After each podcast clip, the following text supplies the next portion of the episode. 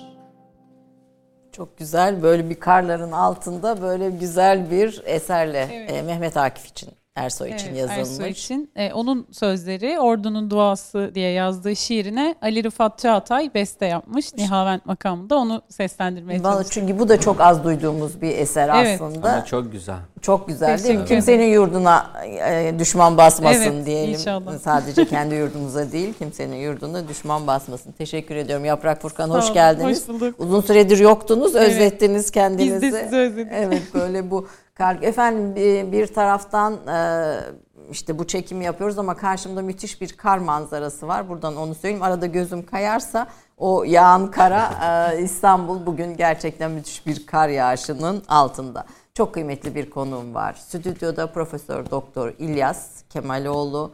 E, yaptığı çalışmalar, araştırmalar, Türkiye'ye kazandırdığı eserler üzerine sahasında e, bir duayen İlyas Kemaloğlu. Çok genç bir akademisyen fakat müthiş bir birikimi e, taşıyor. E, şimdi onun alanı Rusya, Ukrayna, o Doğu Avrupa ve bu bölgelerin tarihi Altın Ordu, Altın Orda Devleti Rusya'nın gözüyle Türkiye, Rus elçilerinin mektupları Altın Ordu'ya ilişkin tüm yazışmalar hem Rus hem Moğol hem diğer bütün kaynaklardan araştırıp bunları çevirip Türkçe'ye kazandıran bir isim, bir kaynak kişi aynı zamanda ve aynı zamanda da güncel politikayı da güncel olanı da izleyen, bununla ilgili görüşlerini de paylaşan birisi. Bir Rusya uzmanı diyebilir miyiz?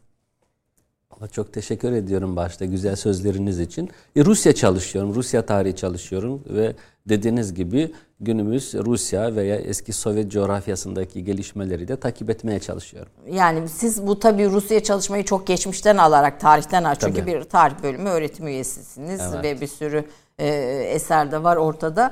E, biraz böyle bir sizi tanıyarak, daha tanıyarak başlayalım. Daha sonra çok çok sorun var. Bir Antalya görüşmelerine ilgin görüşlerinizi merak ediyorum. E, nasıl bir aşama sizce bu Antalya görüşmelerin sonucunda ortaya çıktı? Rusya'nın tarihini, Türk etkisini biraz dedikodu da yapalım istiyorum tamam. içinde. hani onu da bir, bir, bir arada benim için biraz arada yaparsanız de, sevinirim. De, dedikodusuz tarih olmaz. Değil mi? Tarihin Tabii. tamamı dedikodu neredeyse. Tamamı. Efendim şimdi siz e, Rusya'da doğdunuz. E, Kazan bölgesinde Ulyan, e, Ulyanovsk. Ulyanovsk doğru. Eski Simbirsk burası. Eski Simbirsk e, aslında eskiden yine burası Kazan Hanlığı'na ait topraklardı. Daha sonra Simbirsk, Ulyanovsk e, kuruluyor. Burası e, belki küçük veya belki Rusya'nın bugün ekonomik olarak özellikle çok güçlü bir e, şehri, bir ili değil. Ama e, özellikle 20. yüzyıl açısından, 20. yüzyılın başındaki gelişmeler açısından önemli bir şehir. Birincisi e, Sovyetler Birliği'nin kurucusu Vladimir Lenin burada doğdu. Onun da soyadı Ulyanov aslında. Tabii Lenin lakabı çünkü. Ona, doğduğu yer soyadı tabii, tabii, oluyor. Doğduğu şehre e, onun e, soyadını verdiler. Aslında Sovyet sonrasında bütün o Sovyet liderlerin e, soyadını taşıyan şehirler yeniden isim değiştirdiler ama tek kaldı ismi değiştirilmeyen şehir o da Ulyanovsk kaldı. Tabi Ulyanovsk'un ve Simbirsk'in bir başka önemi Yusuf Akçura'nın burada doğmuş olması. Yusuf Akçura da bildiğimiz gibi bir, bir Türk aydınıdır. Evet, evet Türkiye'ye de e, gelecek. Burada Türkiye Cumhuriyeti'nin kuruluş ve gelişiminde hem siyasi hem de ilmi olarak önemli katkıları olan bir bilim adamıdır. E, biz geçen hafta Zafer Toprağı önemli bir tarihçimizi konuk etmiştik. O da aslında biraz e, Rus e, entelektüellerinin, Türk entelektüelleri olan, e, aydınlarına olan etkisinden bahsederken Yusuf Akçura'nın da e, bu, bunu taşıyan isimlerden birisi olduğunu söylemişti. E, aslında biraz bir dinlemek isterim. Hani bu anlamda o, o Yusuf Akçura çizgisinden Rus dünyasına, edebiyatına veya işte fikir dünyasına dair bize neler taşındı?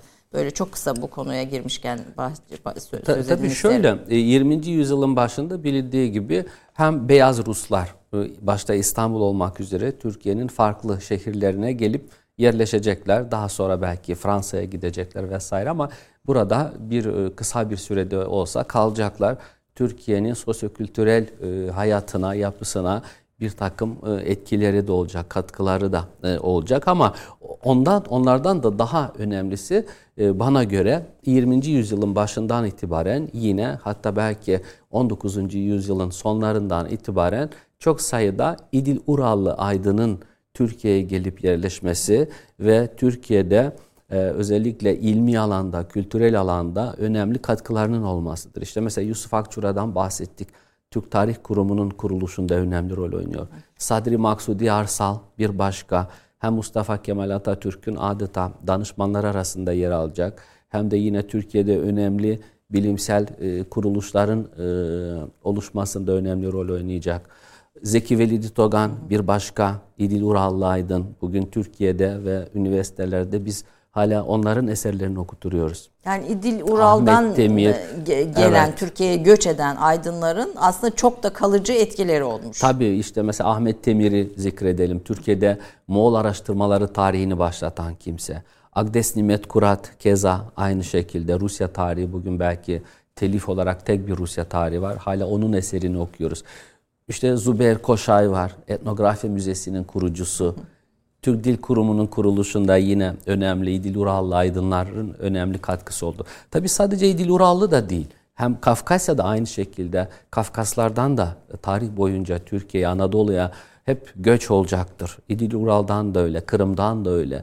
Ve buradan gelenler sadece halk değil, aynı zamanda aydınlar da geliyor ve o aydınların e, Türkiye'nin gelişiminde önemli katkısının olduğunu biz görüyoruz. Ee, sizin bir kitabınız var Kazan e, Şarkiyatçılığının Kaderi diye daha doğrusu bir çeviri Kazan Mir Kasım Usmanov'un kitabı.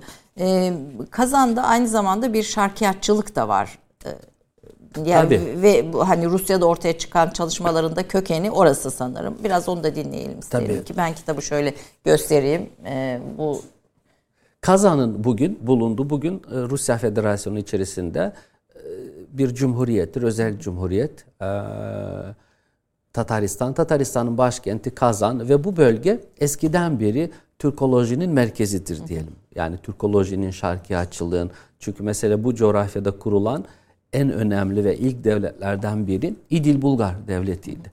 Ve İdil Bulgar Devleti aynı zamanda İslamiyet'i kabul eden ilk Türk devletlerinden biri ve burada farklı bilim dallarında çok sayıda eserin kaleme alındığını biz biliyoruz. Tarih alanında, tıp alanında, din alanında ve dolayısıyla Bulgar e, kaçıncı yüzyıldan diyelim 10. yüzyıldan itibaren bir bilim merkeziydi. Türk ve İslam dünyasında. Daha sonra Bulgar'ın yerini Kazan aldı hı hı. ve Kazan'da hem Altın Orda döneminde önemli bir şehir hem Kazan Hanlığı'nın başkentiydi. Dolayısıyla hem eskiden beri burada çeşitli bilim dallarının geliştiğini görüyoruz. Hem de daha sonra Kazan Ruslar tarafından ele geçirildikten sonra Rus İmparatorluğu'nun da önemli bir bilim merkezi oldu. Çünkü ilk üniversiteler Rusya'da nerede kuruldu? Moskova, Petersburg ve Kazan'da. Ve Kazan özellikle Türkoloji ve e, şarkiyatçılığın merkezi oldu. Neden? Çünkü burada Türk halkları yaşıyorlar. Tatarlar, Başkurtlar, Çuvaşlar ve diğer halklar bir taraftan. Diğer taraftan eskiden beri İdil Bulgarlar döneminden, Altın Orda Devleti döneminden çok sayıda el yazma vardı. Mezar taşları vardı. İşte arkeolojik malzemeler vardı. Dolayısıyla hepsi burada toplanmıştı başta.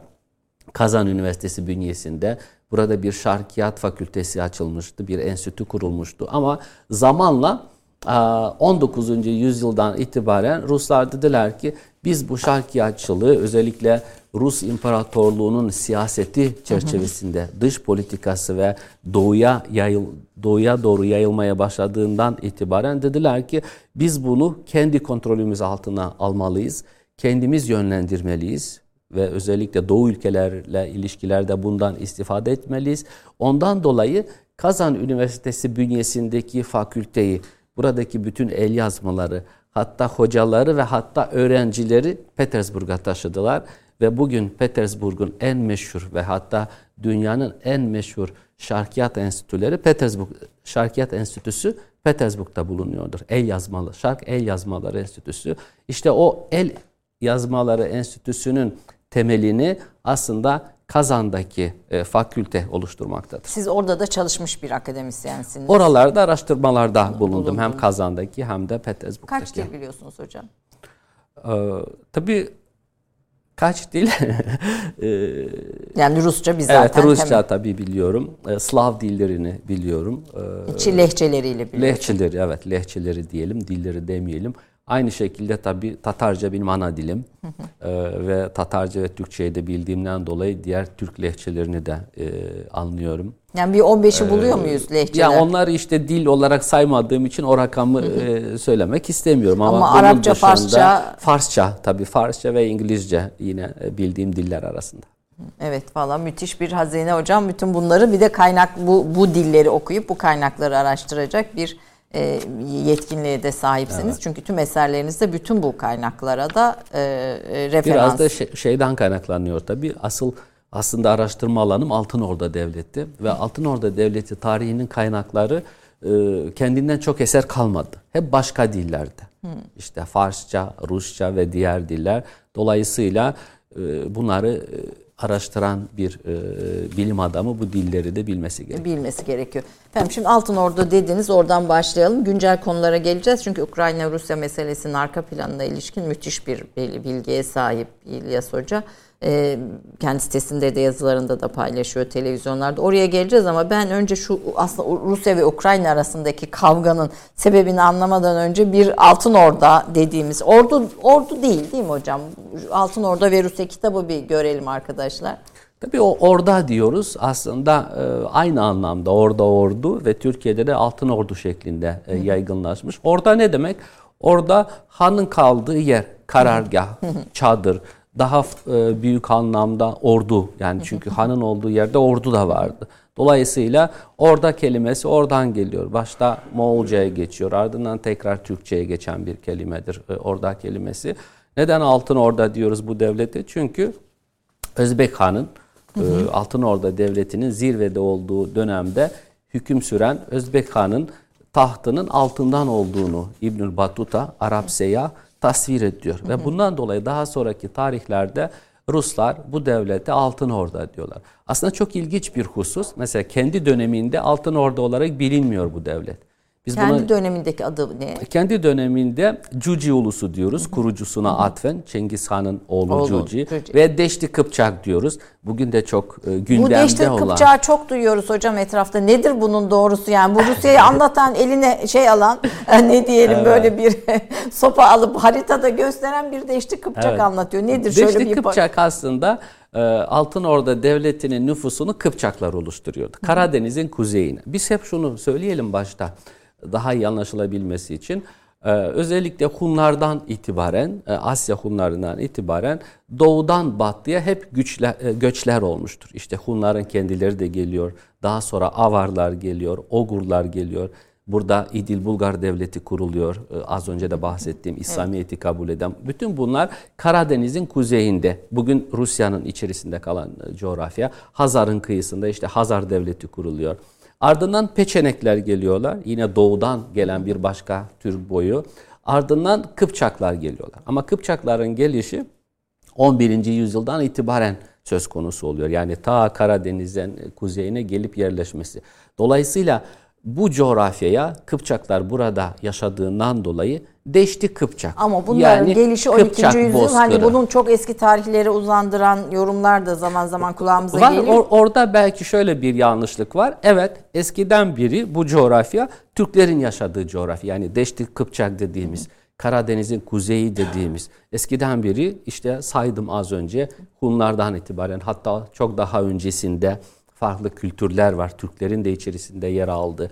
Dolayısıyla bu açıdan bir sıkıntı yok ama Kıpçakların kendileri tabii çok daha sonraki tarihlere gelip e, buraya yerleşti. O ayrı bir şey.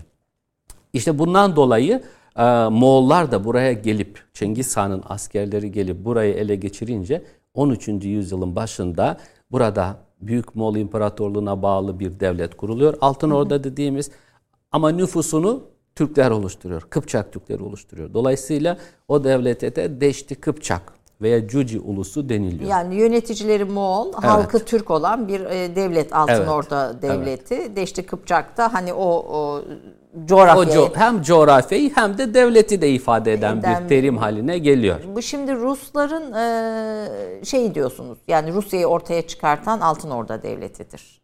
Yani Rusya tarihi içinde hatta çok bunu atıf yapılmasa bile hani bir bu anlamda aslında Rusya Rusya'yı ortaya çıkartan Türklerdir diye bir klişe şey ya da bir başlık kullanabilir miyiz Hı. Rusları ortaya çıkartan Türkler diye? Tabii şöyle bir Rusya'yı, şey. Rusya'yı daha doğrusu evet. Ruslar değil de Rusya'yı evet. ortaya çıkartan Türkler olarak Altın Orda'yı söyleyebilir miyiz? Altın Orda öncesinde de Rusya vardı tabii bunu söyleyelim. Ama şöyle bir şey Rusların ataları Slavlar ortaya çıktığından itibaren az önce saydığım o doğudan gelen bütün Türk boylarıyla yan yana yaşıyorlar. Karşılıklı bir etkileşim söz konusu. Hatta mesela e, Kiev Rusyası'nın knezlerinin Kaan ünvanını biz kullandığını görüyoruz. Çünkü Hazarlardan Hazarların bir etkisi olarak bu e, ünvan kullanımı söz konusu. Ama Altın Orda kurulmadan önce veya Moğollar buraya gelmeden önce Kiev Rusyası parçalanmıştı. Farklı knezliklere parçalanmıştı ve Altın Orda, Moğolların buraya gelmesiyle birlikte Altın Orda kuruluyor ve Rus knezlerini de hakimiyet altına alıyorlar. 1242'den itibaren Altın Orda'nın varlığını görüyoruz. Osmanlı ile paralel aslında belki evet, yakın dönemde. Evet belki biraz daha biraz önce. E, önce diyelim. Ve Rus knezliklerini de hakimiyet altına alıyorlar. Yani Rusların vergi ödediğini görüyoruz, asker ödediğini görüyoruz. Kendi knezler, hükümdarlar çocuklarını rehin olarak Altın Orda Sarayı'da bıraktığını görüyoruz. Bastırdıkları paralarda Altın Orda hanlarının adını zikrediyorlar. Bunun dışında en önemlisi de belki Rus knezliklerinin başına knezler ancak hanların onayıyla çıkabiliyorlardı. Dolayısıyla böyle bir durum var ve ne oldu? Neden biz e, sizin söylediğiniz o Rus devleti Altın Orda sayesinde mi ortaya çıktı cümlesini kuruyoruz? Şundan dolayı çünkü işte Altın Orda öncesinde dağınık halde yaşayan Rus knezleri Altın Orda döneminde Moskova etrafında birleşiyorlar. Hı hı. Ve bundan dolayı mesela Rus tarihçisi Karamzin de diyor ki Moskova ihtişamlığını Hanlara borçludur diyor. Çünkü Hanlar hep Moskova knezliğini destekledi. Moskova'nın yayılmasına ses çıkartmadılar. Halbuki diğer knezlikler de var.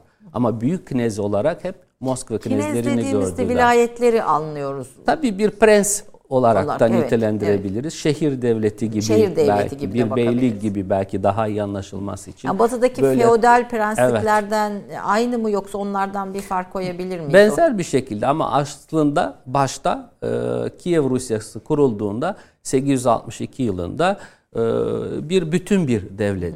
Ancak 11. yüzyılın ortasında 1054 yılından itibaren biz Kiev Rusyası'nın ilk Rus devletinin ama bu Rus devleti dediğimizde Ruslar da içinde var. Tabi Ukraynalar da var. Bugünkü Ruslar da var. Bugünkü Belaruslar da var. Bütün bu e, halkları ve boyları barındıran bir devletti.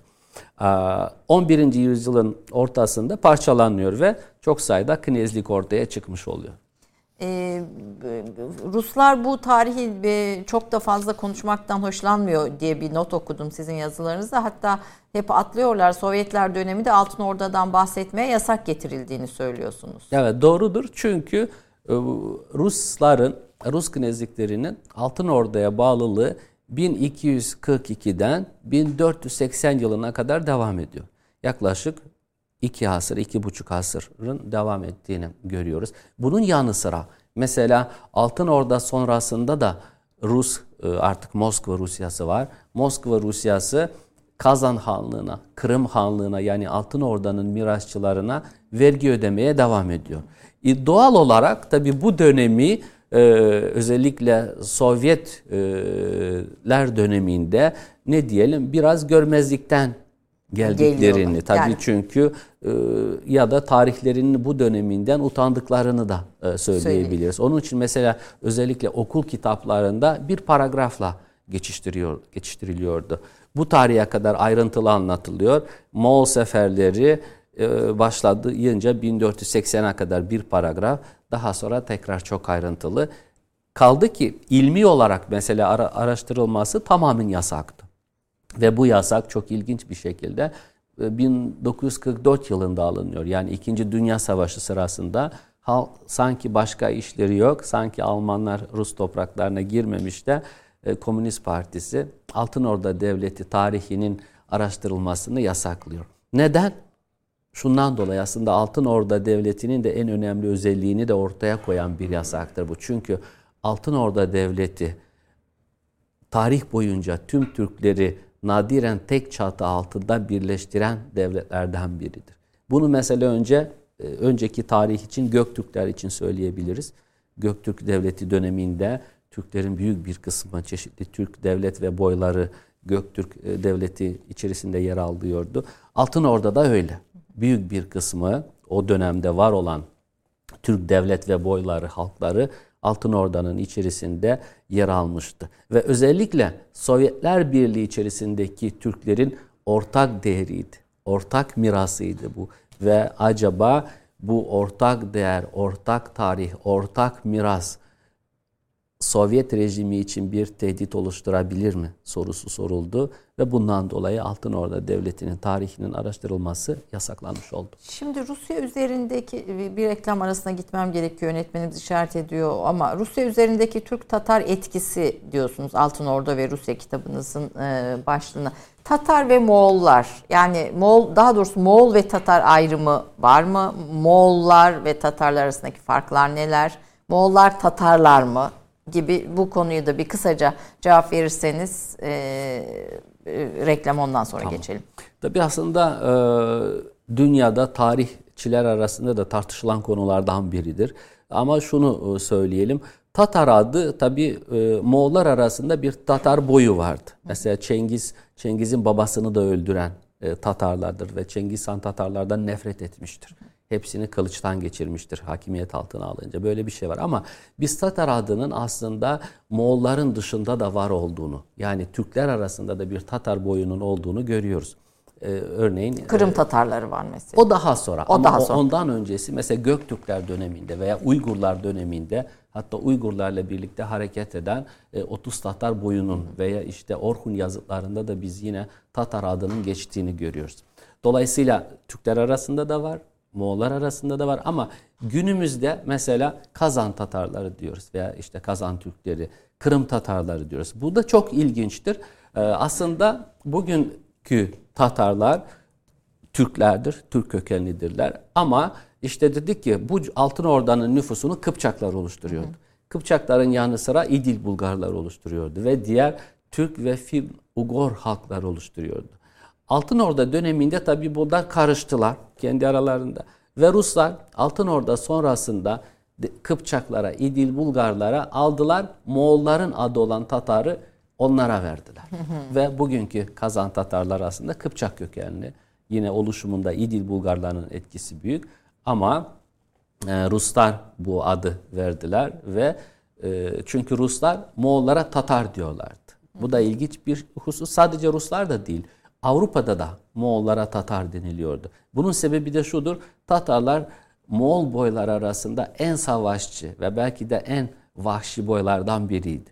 Onun için Moğol boy, diğer Moğol boyları kendi aralarında savaşırken bile birbirlerine ya da biz Tatarız diyorlardı. Düşmanı korkutmak, korkutmak için. için. Bir güç gösterisi evet. Tatar Ve halbuki olmak. Cengiz Han bütün Tatarları yok etmesine rağmen, Moğol boyu Tatarları yok etmesine rağmen isim artık çok yayılmıştı. Ruslar da Moğollara Tatar demeye başladı. Avrupalılar da, Araplar ve Farslar da e, Moğollara Tatar demeye başladılar. Sonuçta Moğollar eşittir Tatarlar değil diyebiliriz. Moğollar arasında bir Tatar ha, boyu, boyu vardı. Var. Ama bugünkü Tatarların Moğollarla bir, bir ilgisi, ilgisi yoktur. yoktur. Kısa bir reklam arasına gireceğiz. Ee, bu bu arada e, ben benim dedikodu olarak merak ettiğim şey efendim ikinci Katarina'nın e, birinci Katarina'nın da yine aynı şekilde müzede bir elbisesini gördüm son derece iri bir elbise yani hani böyle olağanüstü e, ve bir taraftan da biz birinci Katarina'nın aşklarını biliyoruz yani çok sevgilisi olmuş filan hani tarihte işte Baltacı hikayesi ikinci Katarina için hep gündemde bu nasıl oluyor diye so yani bu nasıl oluyor diyeyim o dönemin şeyinde birinci Katarina ve ikinci Katarina'nın e, bu dedikodu hikayeleri tarihe nasıl yansımış, nasıl etkilemiş diye de soracağım. Bunu da bir ön tezer olarak vereyim efendim. Kısa bir reklam arası. İlyas Kemaloğlu eski adı Simbirsk olan Rusya'nın Ulyanovsk şehrinde doğdu. 2001'de Marmara Üniversitesi Tarih Bölümünde lisansını, 2003'te Altın Orda İlhanlı Münasebetleri başlıklı tezle yüksek lisansını ve 2008'de Altın Orda ve Rusya, Rusya üzerindeki Türk-Tatar etkisi başlıklı tezle doktorasını tamamladı. 2012'de doçent, 2017'de profesör oldu. Rusça, İngilizce, Farsça ve çeşitli Slav ve Türk lehçelerini bilen Kemaloğlu, 2004-2008 yılları arasında Avrasya Stratejik Araştırmalar Merkezi'nde Rusya-Ukrayna masasında görev yaptı. 2009-2012 yılları arasında Başbakanlık Atatürk Kültür Dil ve Tarih Yüksek Kurumu Türk Tarih Kurumu'nda çalıştı. 2013-2020 yılları arasında Mimar Sinan Güzel Sanatlar Üniversitesi Fen Edebiyat Fakültesi Tarih Bölümü öğretim üyesi olarak çalıştı. 2020'den itibaren Marmara Üniversitesi Fen Edebiyat Fakültesi Tarih Bölümü öğretim üyesi olarak görev yapmaktadır. Ayrıca Yeditepe Üniversitesi'nde de ders vermektedir. Profesör Doktor İlyas Kemaloğlu'nun çevirisini ve editörlüğünü yaptığı 40'a yakın kitap çalışması ve çok sayıda makalesi yayımlanmıştır. Altın Orda ve Rusya, Rusya üzerindeki Türk-Tatar etkisi kitabı 2011'de Türk Tarih Kurumu Teşvik Ödülüne, 2019'da ise İlim Yayma Vakfı Sosyal Bilimler Ödülüne layık görüldü. İlyas Kemaloğlu, Ötemiş Hacı'nın Çengiznamesi, Velyaminov Zernov'un Kırım hanlarına ait yarlıklarını, Altın Orda hanlarının yarlıklarını, Gastya'nın Moğollara dair Ermeni kaynaklarını Türkçe'ye kazandırarak Türkiye'de Altın Orda ve Hanlıklar tarihi araştırmalarına önemli katkıda bulundu. Kemaloğlu'nun Altın Orda ve Hanlıklar tarihinin yanı sıra Türkçe'ye kazandırdığı ana kaynakların başında Osmanlı'ya gelen Rus diplomatlarının elçilik rapor ve hatıraları gelmektedir. Kemaloğlu, Ermeni meselesi ve Sultan II. Abdülhamit dönemiyle ilgili Rus arşiv belgelerini Türkçe'ye tercüme ederek Türk araştırmacıların istifadesine sundu. Son çalışmalarının arasında Atlas Tatarica kitabının çevirisi ve Mihail Baklanov'la birlikte yazdığı Rus Genelkurmay belgelerinde 2. Abdülhamit ve Osmanlı Ordusu kitaplarıyla metin yazarlığı ve danışmanlığını yaptığı 7 dile tercüme edilen 13 bölümlük Türkler belgeseli yer almaktadır. Tamam. Hocam bu kadar kıymetli çalışma kaynak eser. Hepsi birbirinden kıymetli. Rusların gözüyle Türkler bu son çıkan kitabınız bildiğim kadarıyla. Şimdi burada çok ilginç e, notlar var. Mesela Rus, hükümdarını öldüren ilk yabancılar Peçenekler. Türkler yani bir, bir, şey. Ee, yani Rusların Türklere ilişkin algısını tabii söylemek için bu başlıkları söylüyorum. Ee, iki devletin Türk-Rus münasebetlerinde dini faktörler de var. Rusların e, Hristiyanlığı seçmesi, onu seçmesinden sonraki bakışları da etkili. E, şimdi buradan başlayarak Rusya üzerin Rusların e, Türklere bakışı, Türk'ünü biraz konuşalım istiyorum. Siz Rus elçi raporlarını da çevirdiniz. Mesela bu Asrahan Seferi bir Rus elçisinin kitabı bir görelim arkadaşlar. Ee, bu herhalde ilk şeylerden birisi, ilk bu kaynak, ilk, evet, ilk, ilk kaynaklardan biri aslında. Birisi. Çünkü 15. yüzyılın sonundan itibaren e, Rusya Osmanlı'ya elçi göndermeye başlıyor. Hı. Ama daimi değil.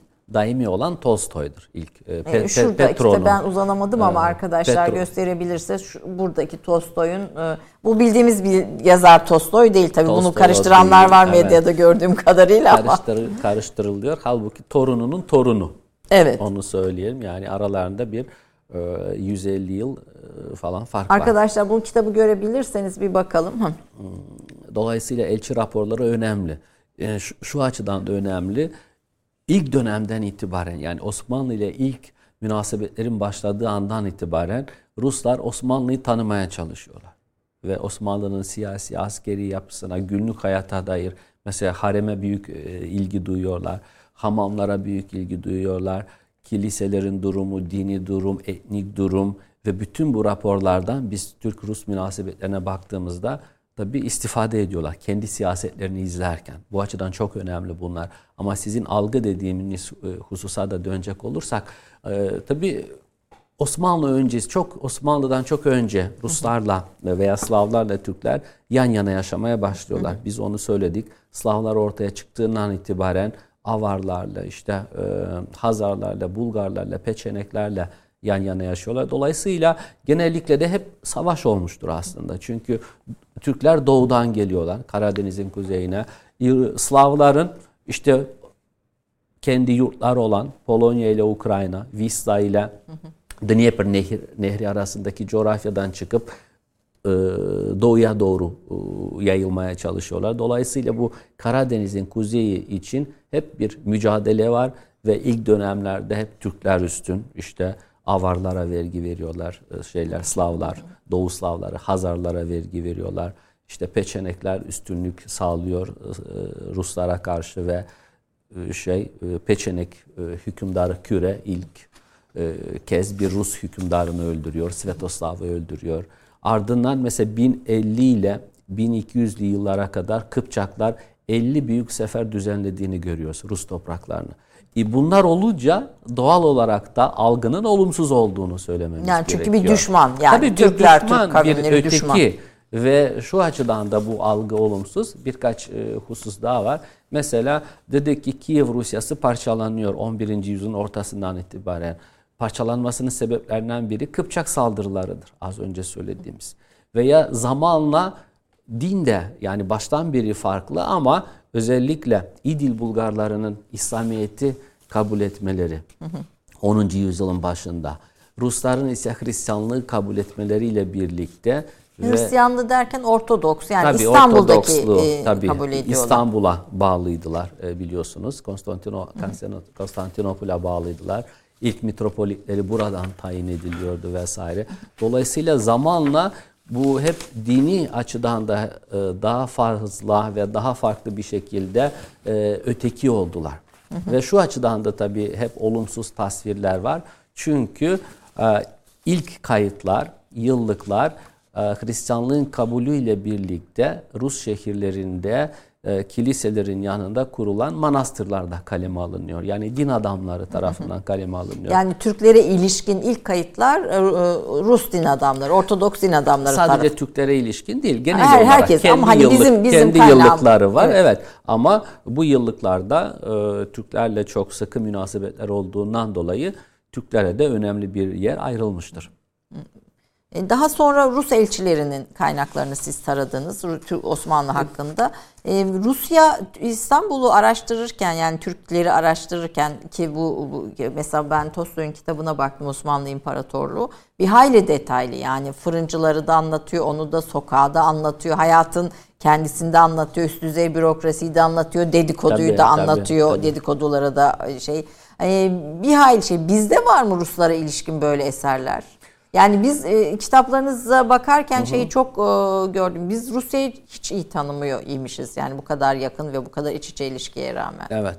Tabii ki Türk e, arşivlerinde de, arşiv belgelerinde de Rusya'ya dair bir takım bilgiler vardır. Ama Ruslar kadar sizin de dediğiniz gibi Rusların Türkleri tanıdığı kadar Türkler Rusları tanımıyor. Bu ayrı bir şey. İşte örnek verdik. Belki ilk raporlardan biridir. Ee, Novosiltsev'in raporu bu. Bu Astrahan 16. Seferi. yüzyıl evet 16. yüzyıla ait 1569 yılına ait bir rapor veya işte Katerina'nın elçisinin raporu var Levashov. Şu işte rapor Tolstoy, değil mi? Esir bir Rus diplomatının evet. gözünden İstanbul. İstanbul. Bu Katerina'nın hangisinin? Tabii bu ikinci, ikinci Katerina'nın. Evet. Bunun dışında bu sadece e, tek tük örnekler. Bunun dışında binlerce belki buna benzer kayıtlar vardır. Ama biz Rusya'yı tabii daha az tanıyoruz. Yani günümüzde bile şöyle bir telif eser olarak baktığımızda Türkiye'de belki Agdes Nimet Kurat'ın Rusya tarihinin dışında bir Rusya tarihimiz bile yok. Onun da burada altını çizelim. E, dolayısıyla bunun tabii farklı sebepleri vardır. Mesela sebeplerden biri şudur veya işte şu soruyu da sorabiliriz. Osmanlı ne kadar iyi tanıyordu Rusları? Bu soru da önemli. Yani 12 12 büyük savaşı var Osmanlı'nın evet. Ruslarla. Az buz bir şey değil bu. Hani küçükleri saymıyoruz yani. Tabii en, en büyük olarak e, savaşlar e, o sayıyla ifade ediliyor ama şöyle bir durum var biz Osmanlı-Rus ilişkilerine baktığımızda Osmanlı uzun yıllar boyunca Rusya'yı ciddiye almadı.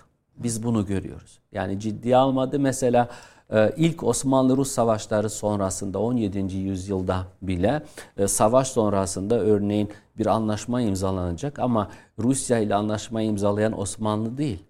Osmanlı Kırım Hanlığı burada temsil ediyor. Çünkü Osmanlı e, Rusya'yı kendine denk bir devlet olarak görmüyordu. Yani bu mesele evet e, Osmanlı üstün burada bu dönemlerde askeri olarak, siyasi olarak ama aynı zamanda Rusya'ya önem verilmemesi veya Rusya'nın tanınmaması daha sonraki süreçte bana göre Osmanlı-Rus ilişkilerinde e, Osmanlı'nın düşmanını tanımaması dolayısıyla ve ona belki gereken önemi vermemesi dolayısıyla e, olumsuz sonuçlara yol açtığını da görüyoruz. Yani onu tanımadığı için de bir takım hatalar e, olmuş. Siz tabii bu... çünkü şöyle mesela Ruslar buraya elçi olarak gelsin veya tüccar olarak gelsin ve Rus devleti bunlara gelmeden önce mesela devlet e, özellikle elçi olarak gönderdiği kimselere gelmeden önce kendilerine bir yazı veriliyor ve diyor ki şu soruların cevabını bulup geleceksiniz. Hatta mesela burada da bu kitapta da öyle veya işte madde olarak yazılıyor çünkü diyor ki ee, işte e, Türk halkının özellikleri nelerdir? Askeri durumu nedir? Kiliselerin vaziyeti nedir gibi. Çünkü bunları kullanacak. İç, daha sonra Osmanlı'nın iç işlerine karışmaya başladığından dolayı bunlar e, Rusların elinde bir koz ve elinde de bilgi var.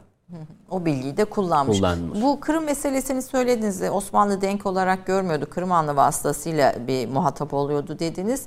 E, sizin e, e, yazılardan birisinde dikkatimi çekti. E, diyorsunuz ki mesela Kırım Hanlarının Viyana kuşatmasının kaybında sebebi var. Yani Osmanlı'da Kırım Hanlarının bir protokolde de bir yeri var. Çok kısaca onu da bir not olarak aktarır mısınız hocam? Evet. E şöyle tabii Kırım Hanlığı e, Altın Orda coğrafyasında ortaya çıktıktan sonra Kırım bağımsız bir hanlık ortaya çıktıktan çok geçmeden Osmanlı himayesine e, giriyor. Çünkü farklı sebeplerden ötürü ona girmiyorum. Bu Osmanlı için de önemli bir e, hususta aslında. Çünkü neticede Kırım Hanlığı da e, Kırım Hanları da Çengiz soyundan geliyorlardı. Osmanlı aynı zamanda prestij de kazandıran bir şeydi ve e, Çengiz e, soyundan gelmek önemli bu dönemde. Bu Çengizname'yi de bu arada gösterelim. Yine sizin hazırladığınız Türk Tarih Kurumu'ndan çıkan evet, Bu da 16. yüzyılda kaleme alınan, Hive Hanlığı'nda kaleme alınan ve Altın Orda Devleti tarihini e, anlatan, ele alan nadir eser, nadir kaynaklardan biridir. Çağatay evet. Türkçesiyle kaleme alınıyor o. Kırım hanlarına dönecek olursak şunu söyleyelim. O, o dönemde Cengiz soyundan gelmek önemliydi ve bütün hanlıklarda zaten öyle bir şart vardı. Ve bu şartı hem hanlıkların kendileri arıyordu hem de bölge devletleri de mesela buna saygıyla yaklaşmışlardır. Ve bu Çengizoğullarının hüküm sürdüğü dönem ve coğrafyada çok büyük. İşte Kazan Kırım'dan başlayıp ta Türkistan'daki Buharahi ve Hokant'a kadar ve Çengiz e, soyundan gelenlerin 20. E, yüzyılın başına kadar da burada hüküm sürdüklerini görüyoruz. Yani komşu devletler de buna aynı zamanda uyuyor ve saygı duyuyordu. Dolayısıyla tabii Osmanlı da e, Kırım buna, saygı evet, hem saygısı var hem de şöyle bir kural da vardı. Osmanlı e, sultanlarının soyu tükendiği takdirde Kırım hanları Osmanlı Devleti'nin başına geçebileceklerdi. Ama e, böyle bir durum var bir taraftan ama diğer taraftan zaman zaman Osmanlı sultanları ile Kırım hanları arasında bir takım anlaşmazlıkların olduğunu e, görüyoruz. Bunun da tabii yine çok farklı sebepleri var. Hem Kırım hanları bazen bağımsız hareket etmeye çalışıyorlar bir taraftan. Diğer taraftan tabii mesele savaşlarda Osmanlı yönetiminin de hata yaptığını görüyoruz. Çünkü biz diyoruz ki bir taraftan Kırım hanları adeta sultanların yerini alma hakkına sahipken eğer öyle bir durum ortaya çıkarsa ama biz görüyoruz ki Osmanlı sultanları sıradan bir paşanın idaresine Kırım Hanı'nı veriyor. Yani Kırım Hanı çünkü statü olarak daha yüksekti. Dolayısıyla bu da Kırım hanlarının bazı buna itiraz etmelerine yol açıyordu. Biz bunu Viyana'da da gördük hatta işte Astarhan seferinde de gördük. İran seferinde de gördük ve tabi bunlar e, askeri seferlerin olumsuz sonuçlanmasına da yol açıyordu. Ama Viyana sadece, kuşatmasının kaybında sebeplerden birisi tabii, olarak Ama işte burada genellikle e, ne bileyim Osmanlı tarihçileri daha çok Kırım Hanı'nı suçlar ama iki taraflı bir meseledir bu. Yani bu. sadece Kırım Hanlarını suçlamamız doğru ee, olmaz. Ee, yine kitapta e, Rus yazar e, Peres e, Vetov'un evet Fatih Sultan Mehmet hayranlığı diye bir başlığınız var. E, şimdi Fatih Sultan Mehmet hayranlığından sonraki dönemler daha eleştirel ve daha kritize eden notlar var gördüğüm kadarıyla. Biraz ondan da kısaca. Tabii şöyle genellikle az önce de belirttiğimiz gibi kaynaklardaki yaklaşım Türklere... Yani Rusların Fatih Sultan Mehmet hayranlığı var. Var, var ama ondan önce hep olumsuzdu veya işte Fatih Sultan Mehmet'e karşı daha olumlu yaklaşıldığını görüyoruz. Bunlardan biri işte 4. İvan'ın yanına e, gelecek. Bugünkü Moldova topraklarından gelecek. Ona arzu halde bulunacak. Ona kendi eserini sunan biridir Peresvetov. Hem devlet adamı hem de yazardır aynı zamanda. Ve orada şunu e, ve bu eserinde Fatih Sultan Mehmet'i övüyor. Yani diyor ki Osmanlı Devleti'nde bir adalet var diyor. Osmanlı Devleti'nde bir düzen var diyor. Ve bunu da sağlayan Fatih Sultan Mehmet diyor. Ama bizim ülkemizde yani Rusya'yı kastediyor bu yoktur diyor. Birincisi senin bunu sağlaman gerekiyor diyor. Yani aslında Fatih Sultan Mehmet'i 4. Ivan'a örnek gösteren bir kişi ve eseridir. Bu açıdan tabii çok ilginç. Diğer taraftan ama şöyle Peresvetov ve dönemin diğer Rus aydınları diyelim ve devlet adamlarının şöyle bir yaklaşımı da var. Aynı zamanda diyorlar ki işte İstanbul'u Türkler fethetti diyorlar. Bu işte Hristiyanların günahı, hatası vesaireden dolayı gerçekleşti. Ve dördüncü Ivan'a diyorlar ki sen de Kazan'ı ele geçirmelisin. Kazan ile İstanbul'u kıyasladıklarını görüyoruz bu dönemde Rusların.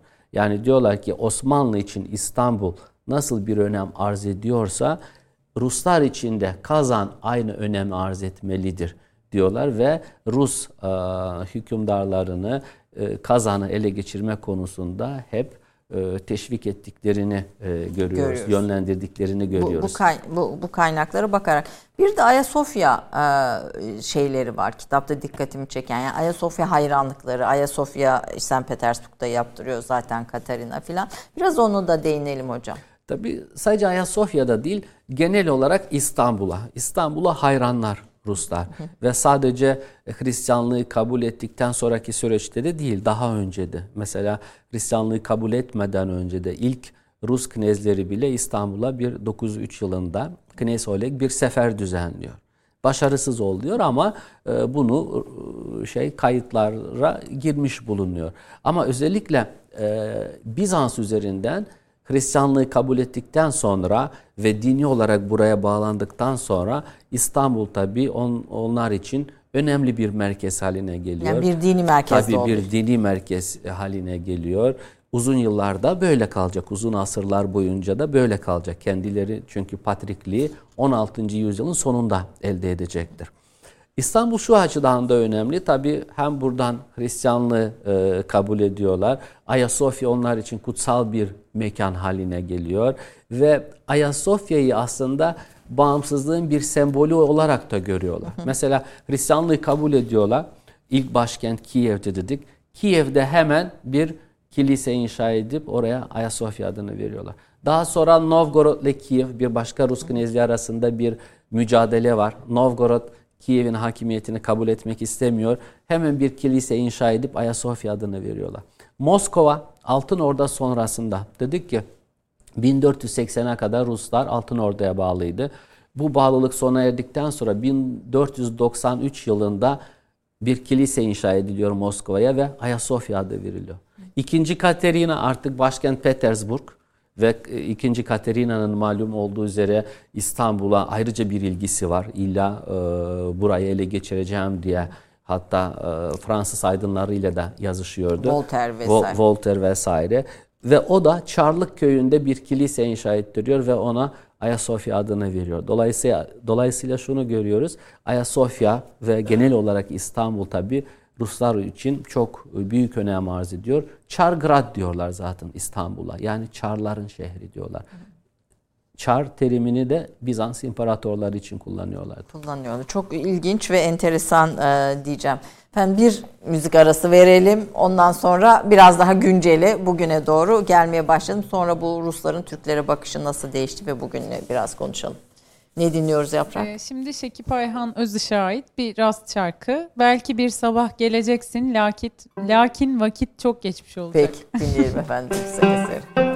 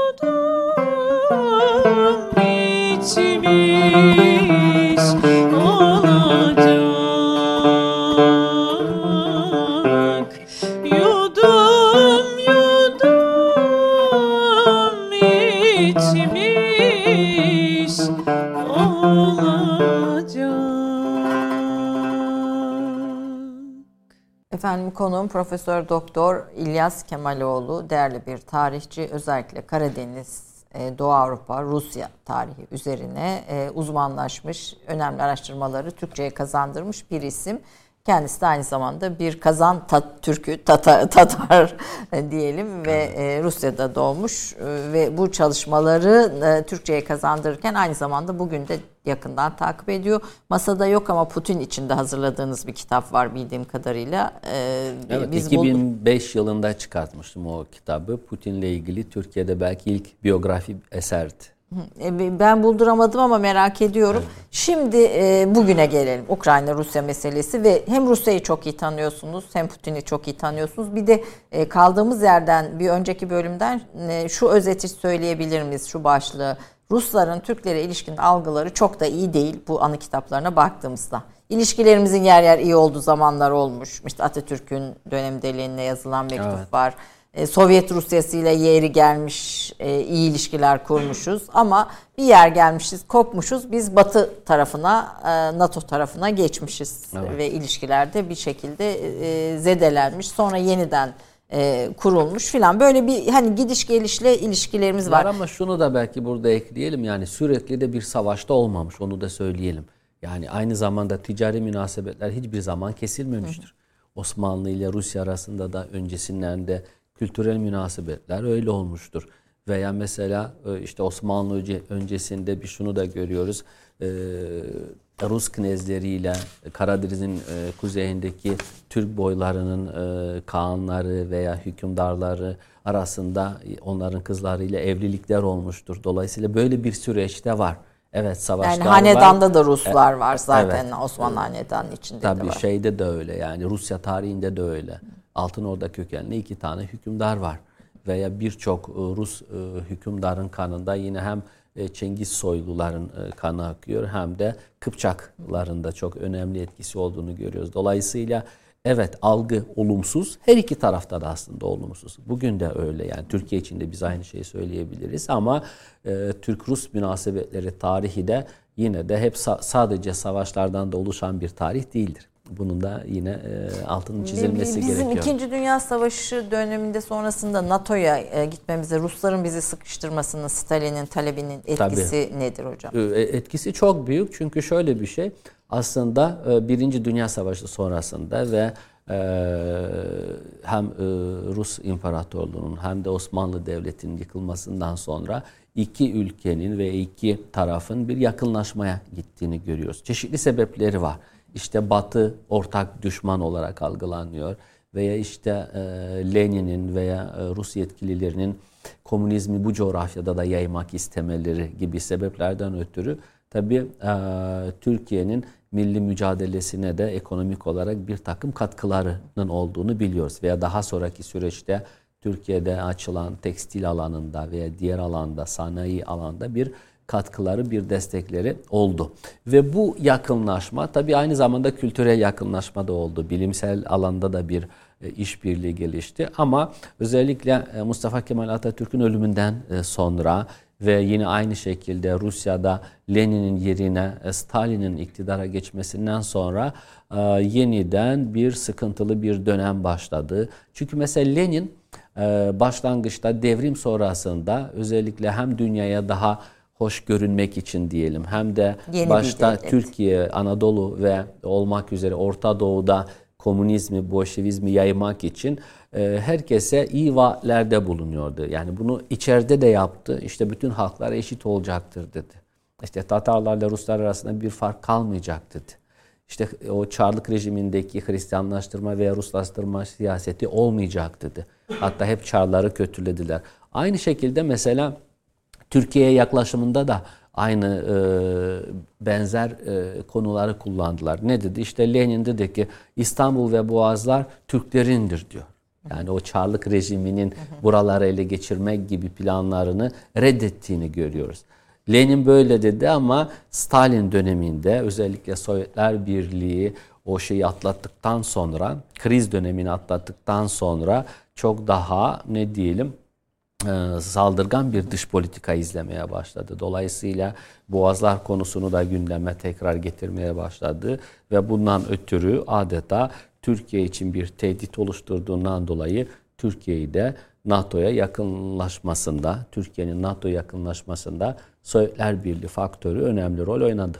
E, yani Türkiye'nin NATO'ya girmesinin sebeplerinden birisi Biri, Stalin'in Boğazlar tabii. konusundaki talepleridir. Boğazlar veya diğer talepleri diyebiliriz. Diğer talepleridir. E, o daha geçmişe gittiğimizde de Mora isyanı olmak üzere e, Balkanlardaki isyanın başlamasında da e, Slavlara yakın Tabii. Rusların is, isyanın başlamasında da Rusların etkisi. Yani Osmanlı'nın parçalanmasında da Rusya etkisini görüyoruz diyebilir miyiz? Tabii ki de görüyoruz. Çok önemli rol oynuyor. Çünkü hep şunu söylüyorum ben. Rusların böyle tarih boyunca e, veya belli dönemlerinde e, bir takım hedefleri, amaçları var. Ve bu hedef ve amaçları doğrultusunda hep bir siyaset izlemişlerdir. İşte mesela başta ne olmuştur? Altın Orda'da kurtulayım diyor. Hı. Ve o dönemde Altın Orda'ya bağlı olduğu dönemde çok ses çıkartmıyor. Müsait bir zamanı bekliyor. Altın Orda'nın parçalanmasıyla birlikte diyor ki ben Altın Orda'nın mirasçı hanlıklarını dan kurtulmalıyım. Buraları ele geçirmeliyim. Ona yönelik uzun vadeli bir siyaset izliyor. İşte 1552'den 1800'lü yılların sonuna kadar. Daha sonraki hedefleri, daha sonraki aşamaları malum daha 1453'ten e, itibaren kendilerini 3. Roma ilan ediyorlar. Artık bu çerçevede bir siyaset üretmeye başlıyor. Yani Ortodoksları, Slavları kendi etrafımda birleştirmeliyim diyor. Bir Slav birliği, bir Ortodoks birliği kurulmalıdır diyor. E, çünkü 3. Roma olarak görüyor. Dolayısıyla Osmanlı Devleti'ndeki hem isyanları teşvik etmiştir hem de bu isyanlar sırasında yaralanarak savaşlar açıyor ve bu coğrafyaların e, Osmanlı'dan koparılmasında Rusya'nın etkisinin çok büyük olduğunu, olduğunu görüyoruz. Söyle, söyleyebiliriz. Bugüne geldiğimizde Putin işte her dönemde başka bir e, hedefi olmuştur dedin. Putin'in bugünkü hedefini ne olarak görüyorsunuz? Özellikle mesela 20. yüzyıl Sovyetler Birliği'nin dağılması 20. yüzyılın en büyük e, trajedisidir e, sözünü siz kullanıyorsunuz ve bunun da bir yeni bir vizyonu ortaya koyan bir cümle olduğunu da söylüyorsunuz. Bu Putin'i nasıl görüyorsunuz bu Ukrayna meselesinde? Nereye varmak istiyor? Türkiye'nin buradaki bu arabuluculuk girişimlerine ilişkinde yorumlarınızı dinlemek isterim. Şu tabii sizin de belirttiğiniz gibi Putin iktidara e, geldikten sonra devamlı dile getirdiği birkaç önemli cümle vardır. Bunlardan ilki işte birincisi e, Sovyetler Birliği'nin yıkılışı büyük bir felakettir diyor devamlı. İkincisi e, Amerika'nın tek kutuplu dünya düzenine karşı çıktığını söylüyorlar. Üçüncüsü de süper güç olabilmek için ve ABD'nin bu siyasetine karşı çıkabilmek için biz e, bölgesel güç olmalıyız diyor. Ve bütün bu üç cümle aslında bugün hem Rusya'nın dış politikasını çok net bir şekilde özetliyor hem de ABD'nin Ukrayna'da dahil olmak üzere Batı'yla sadece ABD demeyelim Batı'yla genel olarak mücadelesinin sebeplerini de ortaya çıkarmış oluyor. Nitekim Orta Ukrayna'da yaşanan tabi bir şeydir. Bu mücadelenin sadece bir boyutunu oluşturuyor. Biz bunu daha önce Türkistan'da da gördük, Orta Asya'da da gördük. Biz bunu Kafkaslar'da da gördük. Ee, işte Orta Doğu'da da gördük Suriye örneğinde olduğu gibi. Bugün de maalesef Ukrayna'da da büyük bir trajedi yaşanmaktadır aslında. Dolayısıyla bu Rusya ile ABD e, arasında e, ki mücadelenin bir e, boyutunu oluşturuyor. Tabii belki şuna da değinmekte fayda var. Ama Amerika ve İngiltere diyebiliriz belki burada. Çünkü Tabii. siz İngiltere Polonya birliğine hep şey vuruyorsunuz, dem vuruyorsunuz ve bunu Hı. yazılarınızda çok kullanıyorsunuz İngiltere Polonya etkisi üzerine. E tabii çünkü mesela İngiltere son yıllarda veya mesela Ukrayna örneğinde e, yeni Avrupa Birliği'nden ayrılmış ve yeni bir e, uluslararası arenada yeni bir oyuncu olarak kendisini ispatlamaya çalıştığını görüyoruz biz aynı şekilde bu alandaki ne ile e, aktif siyasetiyle veya şunu da söyleyebiliriz. Biz özellikle mesela Rus-Osmanlı ilişkilerinde de hep e, İngiltere'nin Rus Rusya'yı frenleyen bir güç, güç olduğunu, olduğunu söylememiz Balta Limanı Anlaşması bir örneğidir bunun o tarihi. var veya birçok aslında evet. husus var. Kırım Savaşı var ve ondan çok daha öncesinde de İngiltere'nin böyle bir rolü var. Mesela Polonya'nın da e, rolü çok ilginçtir. Çünkü e, Ukrayna topraklarının bir kısmı bir zamanlar Lehistan'ın içerisindeydi. Polonya'nın içerisindeydi. Yani Polonya'nın buradaki yine aktif siyaseti ve e, bu meselede önemli bir rol oynamasının da sebebi budur.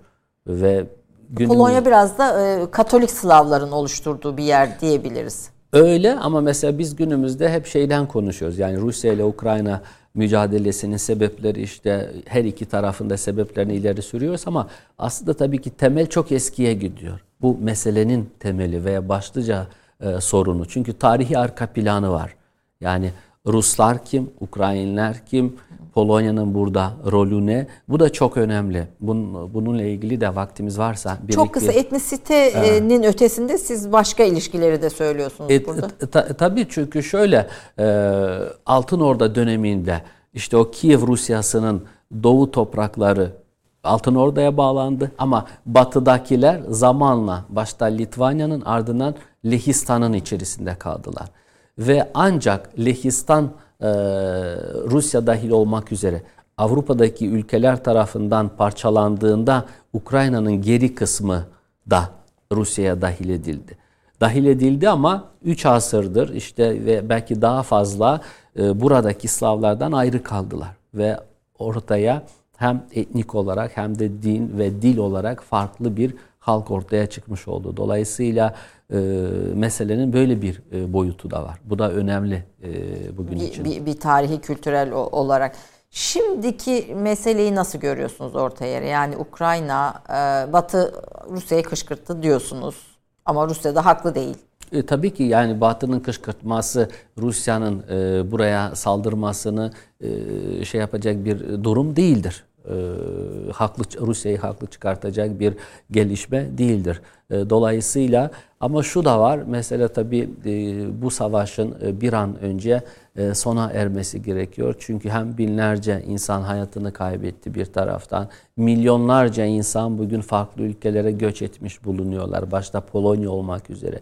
Rusya'nın kendisine de büyük göçlerin olduğunu görüyoruz. Özellikle Donetsk ve Lugansk'tan. Dolay bir taraftan böyle bir durum daha da belki e, meseleyi daha da büyük bir boyuta taşıyabilecek potansiyele sahip bir e, gelişmedir burası bugün Ukrayna'da yaşananlar. Çünkü e, nükleer işte güçler nükleer var.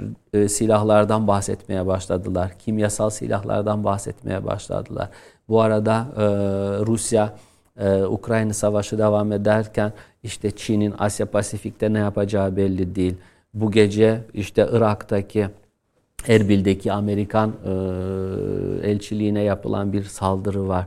E, çünkü burası diğer bölgelerde de e, sorunları arttırabilecek potansiyele sahip bir e, mesele. Bu açıdan da e, bir an tabi burada da barışın te- tesis edilmesi büyük önem yani arz etmektedir. Yani 2 milyona yakın Ukraynalı'nın ülkeyi terk etmesinin dışında, mülteci olmasının dışında e, o tüm Orta Doğu'ya da kendine yakın coğrafyalara da etki edecek bir konu diyorsunuz. Tabii. Avrupa'nın bir parçası mı Ukrayna?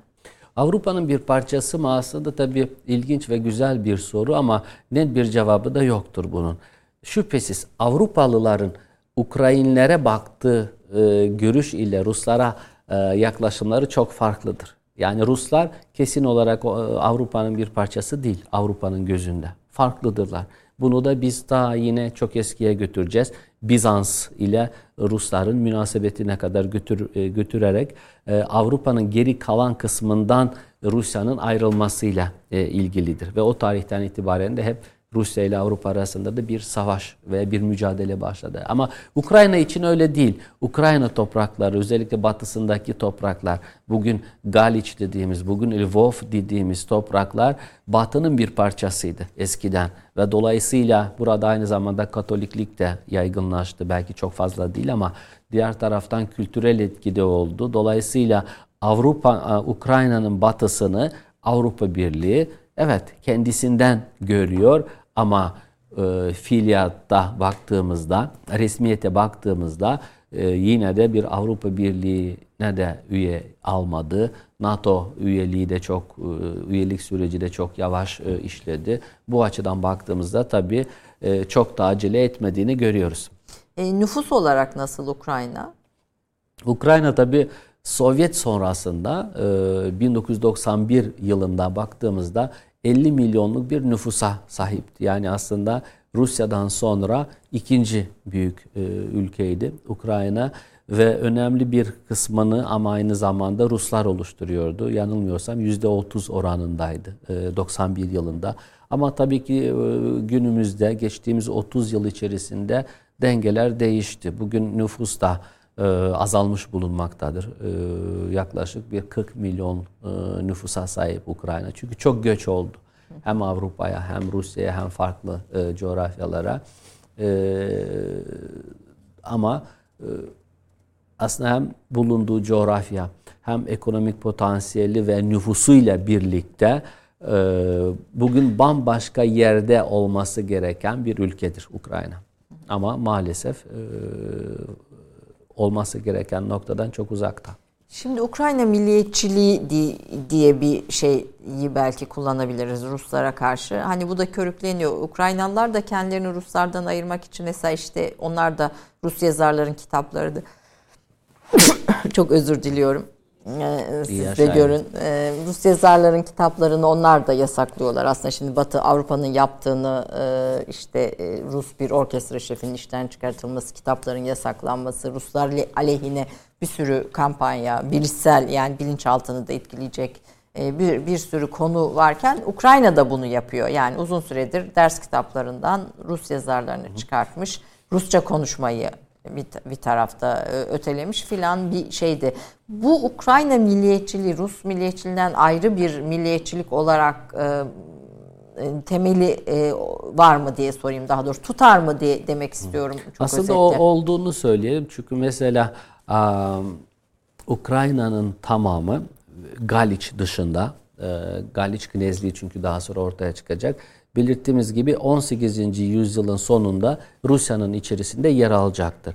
Ve Rusya'da e, bu topraklar Rusya dahil edildikten sonra Ukrayince kullanmaları, yazmaları yasaklandı. Onun için nerede e, kullanmaya başladılar? Sadece Galiç'te ve dolayısıyla e, yasaklanan Ukrayna yazarlar veya aydınlar da oraya daha sonra 18. yüzyılın sonunda göç etmek zorunda kaldı ve aynı zamanda Ukrayna milliyetçiliğinin temelini de daha o tarihlerde atmış oldular ve o günden bugüne de tabi bu devam etti. Diğer taraftan tabi sizin de bahsettiğiniz Ukrayna'da dahil olmak üzere bütün Avrupa'da veya dünyada Rus klasiklerinin yasaklanması veya sanatçılara veya sporculara uygulanan ıı, tırnak içinde yaptırım da diyelim tabi bu da yanlış bir şey. Neticede e, siyasetin hem spordan hem sanattan hem edebiyattan ayrı olması e, gerektiğini düşünüyoruz. Ama Batı neden bu kadar sert bir yaptırım uyguluyor? Bana göre işte Rus halkına da aslında suçlunun Batı olduğunu değil de ama işte kendi yetkilileriniz Kremlin veya Putin olduğunu göstermek için. Hani bizim spor müsabakalarına katılamıyorsunuz ama bunun suçlusu biz değiliz aslında. Yani içeride bir tepki yaratmaya çalıştı veya çalışıyor Batı ama evet zaten Rusya'da da bir tepki var ama sporcuları edebiyatçıları veya sanatçıları siz dış dünya ile bağlantısını keserek e, bu aslında tam tersi bir tepkiye yol açtığını da düşünüyorum. İçeride tepkiler var dediniz. Peki Putin'in bundan sonraki politikası ne olarak görüyorsunuz? Çok az bir süremiz kalmış bir, bir, şeyde. Putin'in bundan sonra Rusya-Ukrayna meselesinde politikasını ne olarak görüyorsunuz? Geri adım atacak, atar mı sizce? Ve Türkiye'nin bu barış girişimine verdiği destek Antalya toplantısının sonucunu nasıl yorumladınız? Tabii şöyle, şimdilik baktığımızda her iki tarafta e, geri adım atmak e, atmak konusunda pek e, yanaşmıyorlar. Yani Rusya'nın talepleri var bilindiği üzere. İşte Kırım tanınacak, Lugansk, Donetsk tanınacak. Ukrayna'daki bütün askeri müesseseler yok edilecek ve neonaziler yok edilecek şekilde. Yani Ukrayna'da bir neonazi grubu evet, var. Evet. Yani neonaziden kim kastediliyor veya bunun sınırı ne kadar geniş tutulmalı bu bir tartışma meselesidir. Yani burada Ukrayna milliyetçileri mi yoksa işte nazizmin işaretlerini kullanan veya Rusya karşıtı faaliyetlerde bulunan kimseler mi veya buradaki en önemli soru tabii şudur. Bunlar nasıl tespit edilecek? Bu da bu da önemli. Yani dolayısıyla bu son madde biraz sıkıntılı. Nitekim şunu görüyoruz. Son günlerde aslında Rusya'nın yavaş yavaş bu neo-nazi e, söyleminden vazgeçtiğini de e, söylememiz gerekiyor. Eskisi kadar dile getirilmiyor. Bu bir. Diğer taraftan tabii Ukrayna'nın da e, Ukraynalı yetkililerin de keskin bir yaklaşımı var hani Kırım'da dahil olmak üzere barışın tesisi için e, bütün Rus askerlerinin e, buradan çıkması gerektiğini ileri sürüyor. Onun için böyle bir yaklaşım varken mesela evet Antalya yani bu arada Huruşov'un Kırım'ı Ukrayna'ya 1953 yılında hediye ettiğini bir not evet. olarak sizin yazılarınızda Çünkü Sovyet liderlerin çoğu Ukrayn kökenliydi. Bunu söyleyelim. Onun için mesela bu kadar iki tarafında görüşleri birbirinden zıtken Antalya'da bir toplantının e, düzenlenmiş olması, daha doğrusu iki e, üst seviyede iki yetkilinin bir araya getirilmiş olması bir başarıdır bana göre. Ve öyle düşünüyorum ki yine e, bu Antalya forumu sonrasında yapılan açıklamalara baktığımızda iki tarafın da gerçekten de sanki bir yumuşama var ve önümüzdeki dönemde Putin-Zelenski görüşmesinin ihtimali iyice artmış bulunmaktadır. Dolayısıyla bu da şüphesiz bu krizin e, aşılmasında Antalya'daki görüşmenin ben önemli bir e, katkı sağladığını düşündüğümü Bunun bir görüyorum. Putin-Zelenski görüşmesine bir adım oluşturacağını Tabii bir da... hazırlık aşaması olarak bunu nitelendirmek mümkün. Peki hocam çok çok teşekkür ediyorum. Bir yapraklar çok kısa bir vakit kaldı yaprakla Furkan için de. Son olarak e, bu kaynakların dışında bize özellikle şu perspektiften bakın Rusya-Ukrayna meselesine. Hani çünkü Batı bir e, medyası kendi içinde bir şehat oluşturmuş oradan gidiyor. E, Rus medyası öyle. Siz Rusya'da medya sahiplerinin çoğunun Ermeni e, kökenli olduğunu söylüyorsunuz. Çünkü sizin Ermeni meselesine ilişkinde kaynaklarınız, araştırmalarınız var. Onlar da Türklere ilişkin negatif yayınlar yapıyorlar. Tabii Rusya'da da öyle bir çevre var. Özellikle Rus-Türk münasebetlerinin bozulmasını isteyen veya kendi çıkarlarına bunun zararlı olduğunu düşünen bir e, şey var ve şu da var tabii mesela Batı'da da veya Ukrayna'da hem Ukrayna hem Batı'nın Rusya'yı da bu mesele Türkiye'yi de bu mesele çok daha fazla çekmek istediklerini de görüyoruz. Onun için mesela Türkiye'nin izlediği siyaseti ben çok doğru buluyorum. Hem e, objektif bir yaklaşım sergiliyor hem de her iki ülkeyle de dost ülkeyle e, münasebetlerini devam ettirmeye çalışıyor.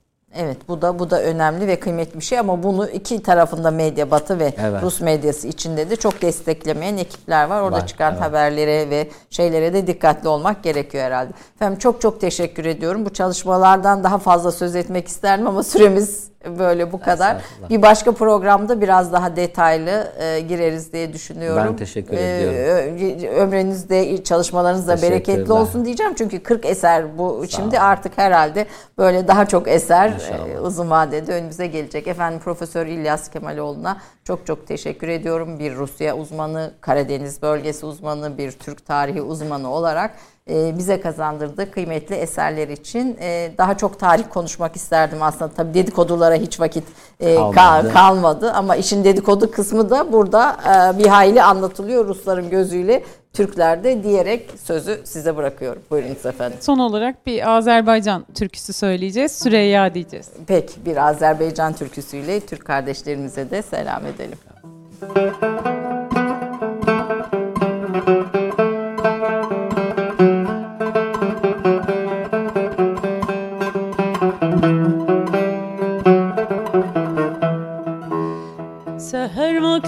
sen tarlaya gedende Seher vakti sen tarlaya gedende Ses yayılır dört bir yana Süreyya Elindeki gonca gülü derende Gelmeye sen bizim ele Süreyya Elindeki gonca gülü